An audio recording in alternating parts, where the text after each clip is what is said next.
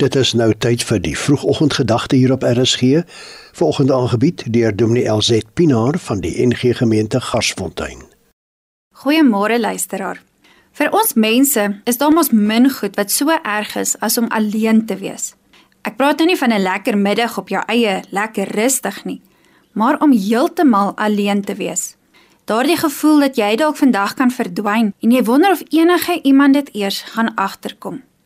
In die antieke nabye Ooste was dit vir mense nog belangriker as vandag om nooit alleen te wees nie, maar om deel te wees van 'n groep mense.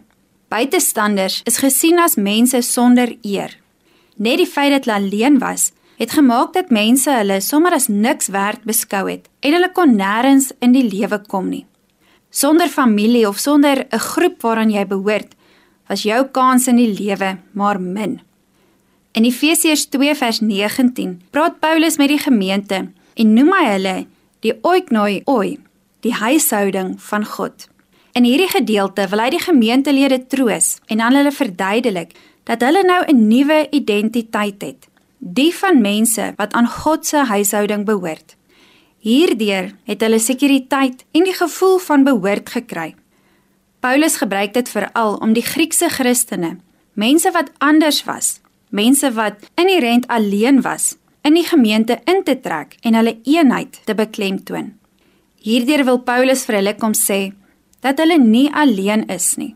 Hy kom troos hier en sê dat nie net God altyd by jou is nie, maar dat elke een wat glo, deel is van so 'n groot familie dat dit totaal onmoontlik sou wees vir een persoon om almal te leer ken.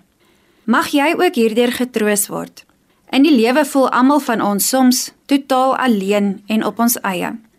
Paulus wil ook vir ons kom troos. Weet, nie net is God altyd by jou nie, maar jy is deel van 'n groot familie, deel van die huishouding van God.